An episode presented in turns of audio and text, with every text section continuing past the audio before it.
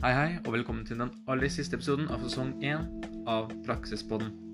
Denne siste episoden handler om forhindring av smitte. Og tro meg, det har, det har vi lært om.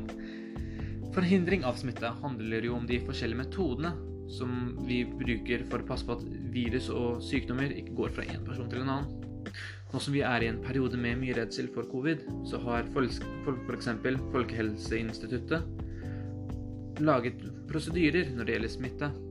Min barnehage så er det viktig at når barn og voksne viser symptomer på forkjølelse, så holder de seg hjemme.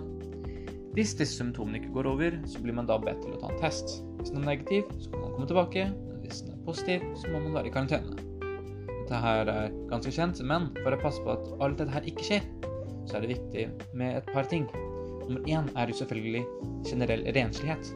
Det er veldig viktig å passe på at, barn, at alle barna har rene hender enten ved bruk av håndvask eller antibac.